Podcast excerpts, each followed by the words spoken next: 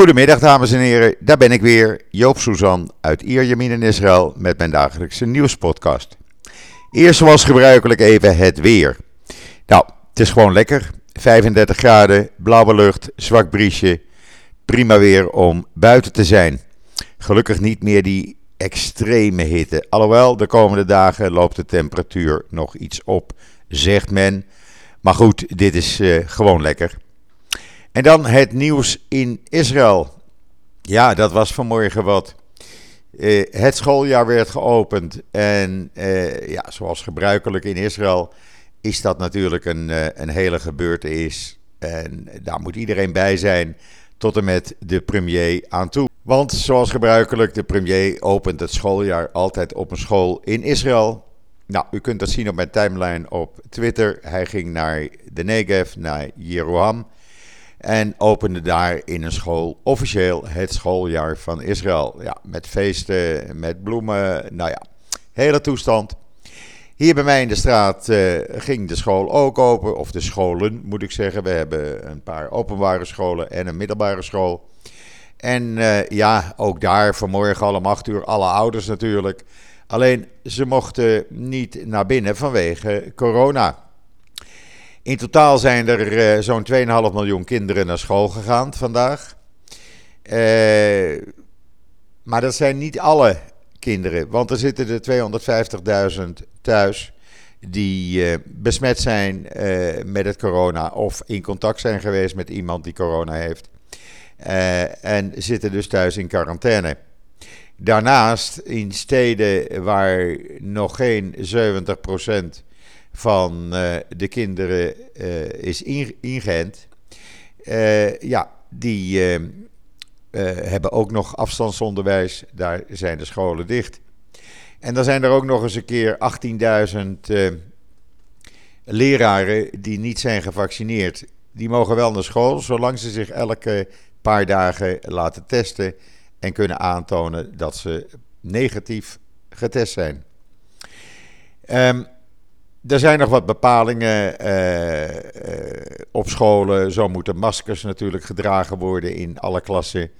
Uh, probeert men toch een beetje afstand te houden.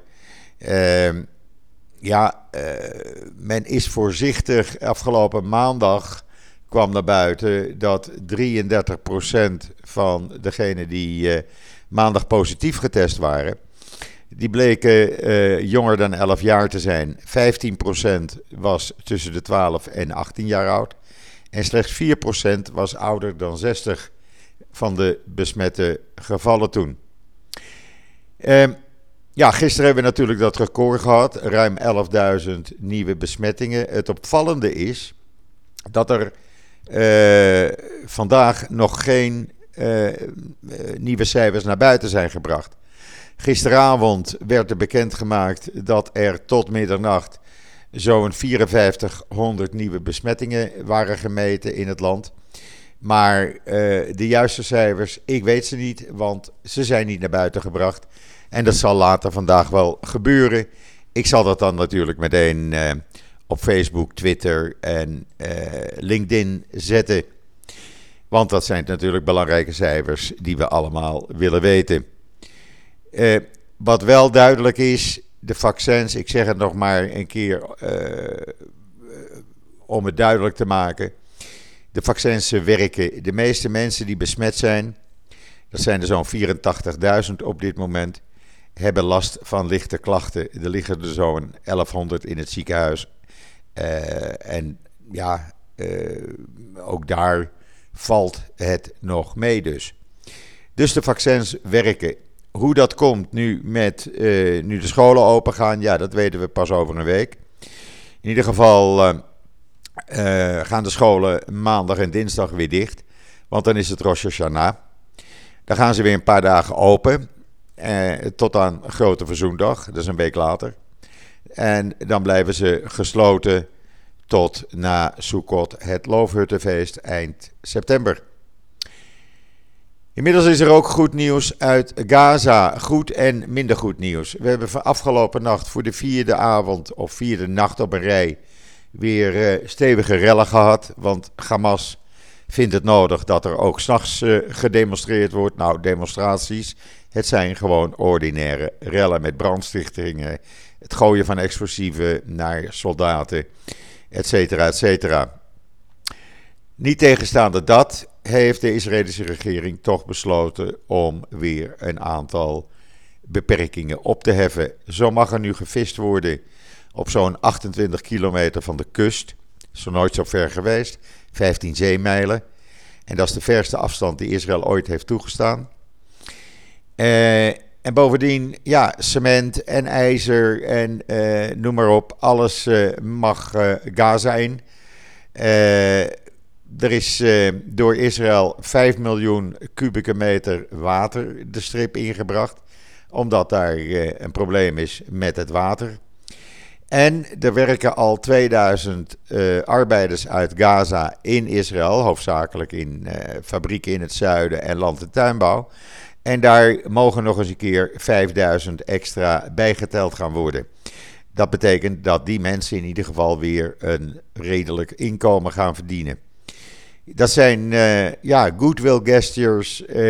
men hoopt dat dat bijhelpt aan de rust maar dat ligt natuurlijk helemaal aan de heren van Hamas, die weer afhankelijk zijn van wat hun bazen in Iran hun opdragen.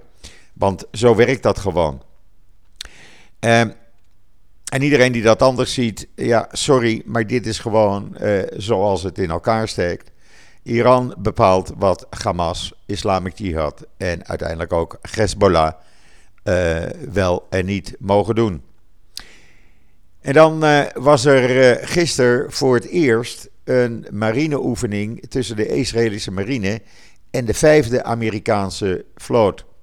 Heel bijzonder, want het is nog nooit gebeurd. Men spreekt dan ook over een historische gebeurtenis. Nee, niet een hysterische, maar historische gebeurtenis. ze werkten samen, de officieren. U kunt dat zien op foto's in het artikel op israelnieuws.nl. Ze werkten samen uh, op hun uh, gezamenlijke schepen. Israëlische officieren bij de Amerikanen, Amerikanen bij de Israëlische schepen. Sorry, een slokje water. En zoals de IDF zei, dit is de eerste oefening van vele die in de komende tijd, in de toekomst, zullen gaan plaatsvinden.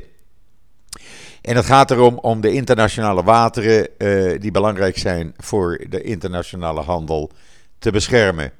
Een mooie ontwikkeling en uh, ja, er wordt al op zoveel fronten samengewerkt met uh, de Amerikanen dat eigenlijk ja, niets nieuws is, maar wel interessant om te weten. En dan een Israëlisch bedrijf wat kunstmatige intelligentie voor software diagnoses of voor diagnoses gebruikt. Ehm, heeft nu een uh, software ontwikkeld waarbij met kunstmatige in, uh, intelligentie uh, geholpen wordt om ehm, maag- en darmkanker op te sporen. Het is een eh, speciale software met algoritme gemaakt op artificial intelligence. Die analyseren die, die biopsies en de kwaliteit van de diagnose. Die kan dan ook verbeterd worden. De diagnosetijd wordt verkort. En uh, het wordt allemaal wat, uh, ja, wat dragelijker, laat ik het zo maar zeggen. Er zit een video, een lange video bij het artikel op uh, israelnieuws.nl, waarin het allemaal keurig wordt uitgelegd. ja, maag-darmkanker, we weten het allemaal. Het is de vierde meest voorkomende kanker bij mannen en de zevende bij vrouwen volgens het Wereldkanker Research Fonds. Um, goede ontwikkeling dat dit is uh, uitgevonden. Uh, en een andere ontwikkeling die uh, ja, toch wel apart is. u weet inmiddels dat we hier in Israël allerlei startups hebben die hamburgers printen en vlees printen. En dat smaakt allemaal, ja, is niet van echt te onderscheiden. Ik heb het nog niet gegeten, maar ik zie het op televisie elke keer. Daar wordt het getest. En ook artikelen natuurlijk. En er is nou een van die startups, Safor Eat. die print dus met 3D plantaardige vleesalternatieven. En die heeft een overeenkomst getekend met een Amerikaans bedrijf, Sodexo. en die gaan in Amerika nu ja, dit soort 3D geprinte hamburgers op de markt brengen. Uh, dat niet alleen. Ook uh, allergeenvrije burgerpastijtjes. die zijn dan veganistisch en glutenvrij. ja, dan ga je eigenlijk naar het land van de hamburger toe om te kijken of je succes hebt met je 3D geprinte hamburger. Nou, de man uh, die aan het hoofd staat van dat bedrijf, Safor Eat, die twijfelt er niet aan en die zegt: de jongere bevolking staat veel meer open voor voedseltechnologieën en voor het veranderen van de manier waarop we voedsel consumeren. Uh, want, zei hij, een recente peiling in Amerika wees uit dat de helft van de jonge Amerikanen in de twintigers zichzelf als flexitariërs beschouwen. Nou, dan zou het dus een succes moeten worden. En uh, ja, dan hoeven er minder uh, dieren te worden geslacht. en dat is natuurlijk ook weer een goede zaak, zullen we maar zeggen. En dan, ja, iets bijzonders. het gebeurt, of iets bijzonders, het gebeurt elk jaar eigenlijk in Israël. De witte ooievaars zijn terug in het land. Die komen twee keer per jaar even buurten in Israël. als ze uh, vanuit Afrika naar Europa gaan en weer terug. Nou, ze zijn nu onderweg naar Afrika en maken een tussenstop ten zuiden van het meer van Tiberias in de Valley of Springs.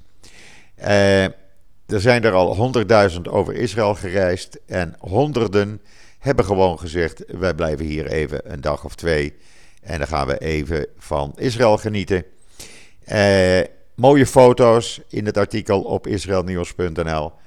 Uh, ja, zo zie je maar, uh, de seizoenen, ze spelen nog steeds een rol. Want het is toch uh, fantastisch dat die dieren dat twee keer per jaar doen. altijd een mooi gezicht. Ik heb het ooit jaren geleden heb ik het gezien met de flamingo's in het, de Hula-vallei. Ja, dat vond ik al iets fantastisch. En dit moet helemaal mooi zijn. Misschien als ik de tijd heb, ga ik even daar naartoe. Want het is niet echt ver. Ik denk zo'n 45 minuten rijden bij mij vandaan. En dan iets, uh, ja, heel aparts. Een mooi onderzoek eigenlijk, zou ik willen zeggen. Want uh, het zal niet in Israël gebeuren. Natuurlijk gebeurt dat alleen in Israël. De Universiteit van Tel Aviv. Daar heeft men onderzoek verricht uh, naar het zonlicht. Kan dat de passie versterken? Nou, ja, ja, ja, zeggen we er gelijk bij. Het blijkt inderdaad zo te zijn uit een, uh, een grote studie. Die is uh, al gepubliceerd in een wetenschappelijk tijdschrift, Cell Reports. Dat uh, ze hebben 32 mannen en vrouwen blootgesteld aan de ultraviolette straling type B. dat werd natuurlijk wel onder gecontroleerde omstandigheden in het Igelov ziekenhuis en het Asuta Medical Center gedaan. En na die behandeling, of na die, uh, het, het, blootstellen aan die ultraviolette straling B, moesten ze vragenlijsten invullen. En daarna hebben ze ze twee dagen uit de zon gehouden. En vervolgens mochten ze 25 minuten in de zon om bruin te worden. Nou, het bleek dat het resulteerde bij mannen in een hogere afgifte van testosteron in vergelijking met de dag voordat ze aan de zon werden blootgesteld. Uh, en dat werd ook al gevonden, ditzelfde resultaat, in analyses van gegevens van twee ziekenfondsen. Uh, dus men was niet echt verbaasd. En het blijkt dus gewoon dat als je uh, ja, in de ultraviolette straling van zonlicht uh, zit, veel zit, zoals we hier in Israël natuurlijk hebben, dan gaat je testosteronniveau behoorlijk omhoog, vooral bij mannen. Of alleen bij mannen eigenlijk. En dat betekent dat je dus, ja, de passie die wordt dan groter. Nou, dan uh, lost dat, zullen we maar zeggen, meteen het raadsel op waarom Israëlische mannen en vrouwen altijd zo gepassioneerd zijn. Uh, dat heeft dus met het zonlicht te maken.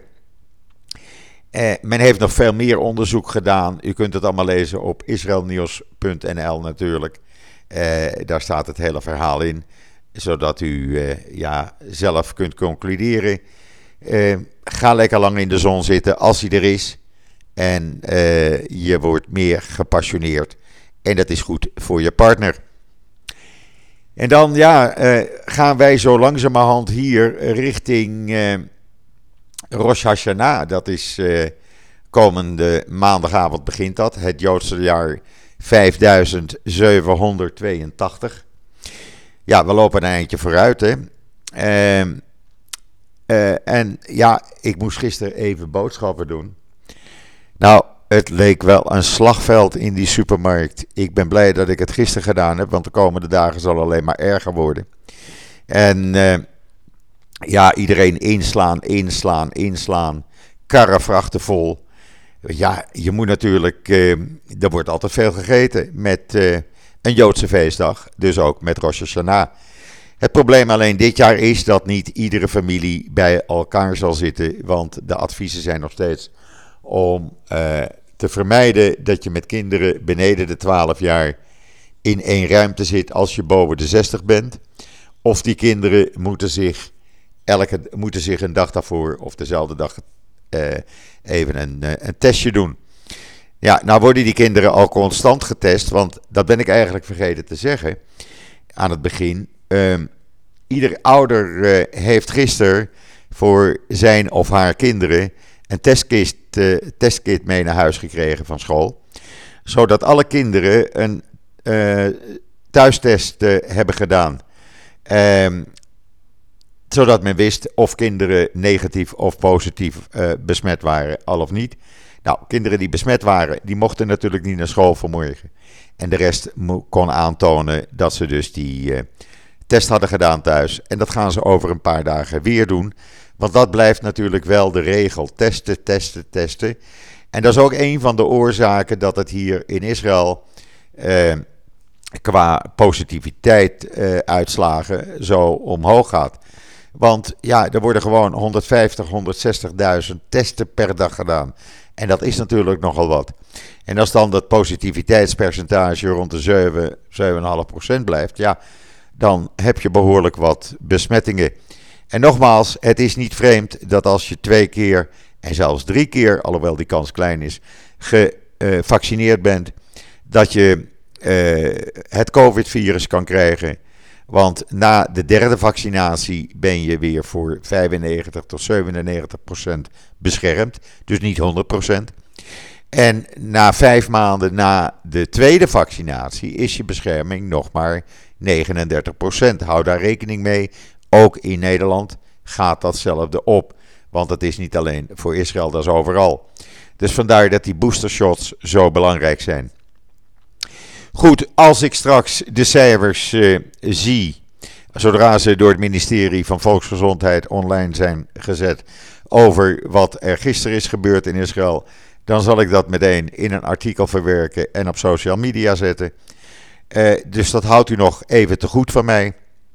Er is mij u nog een hele fijne voortzetting van deze woensdag, de 1 september, toe te wensen. Wat mij betreft, ik ben er morgen weer en zeg zoals altijd: tot ziens, tot morgen.